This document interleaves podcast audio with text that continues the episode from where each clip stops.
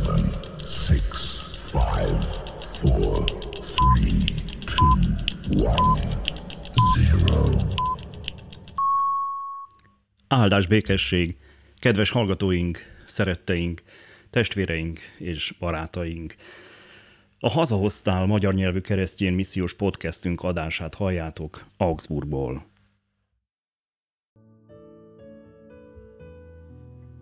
János evangéliuma, 7. fejezet, 14-től a 30. versekig. Jézus nyilvánosan tanít a templomban. Már az ünnepi hét fele elmúlt, amikor Jézus felment a templomba, és tanítani kezdett. A zsidók csodálkoztak ezen, és ezt kérdezték.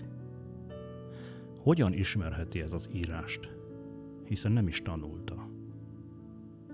Jézus így válaszolt nekik.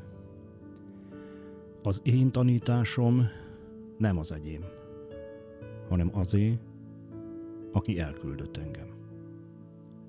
Ha valaki kész cselekedni az ő akaratát, felismeri erről a tanításról, hogy vajon Istentől való-e, vagy én magamtól szólok. Aki magától szól, a saját dicsőségét keresi. Aki pedig annak dicsőségét keresi, aki elküldte őt, az igaz, és abban nincs hamisság. Nem Mózes adta-e nektek a törvényt? De közületek senki sem tartja meg a törvényt. Miért akartok engem megölni? A sokaság erre ezt mondta. Ördög van benned.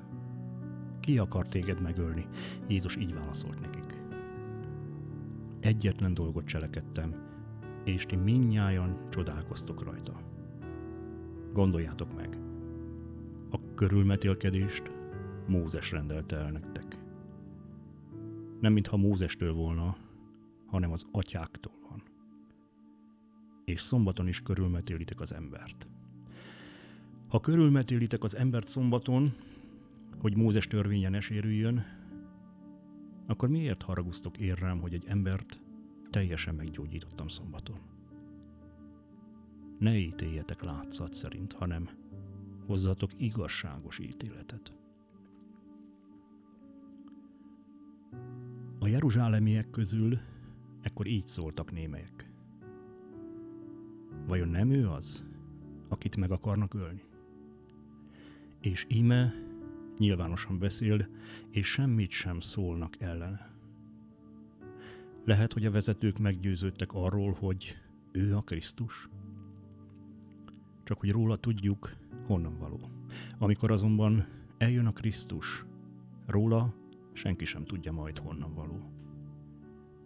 Amikor Jézus a templomban tanított, hangosan kiáltva szólt, ti ismertek engem, tudjátok is, honnan való vagyok, de én nem önmagamtól jöttem, hanem igaz az, aki engem elküldött, akit ti nem ismertek.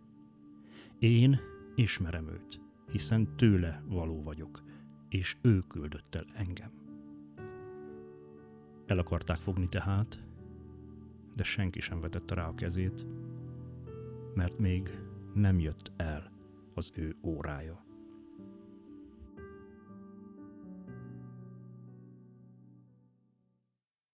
Isten tegye áldottá az ő igényének hallgatását, szívünk befogadását és megtartását. Legyetek áldottak, teljetek meg a szeretettel, a békével és az élettel. Hallgassatok bennünket továbbra is, nyitott szívvel és lélekkel. Isten áldjon benneteket!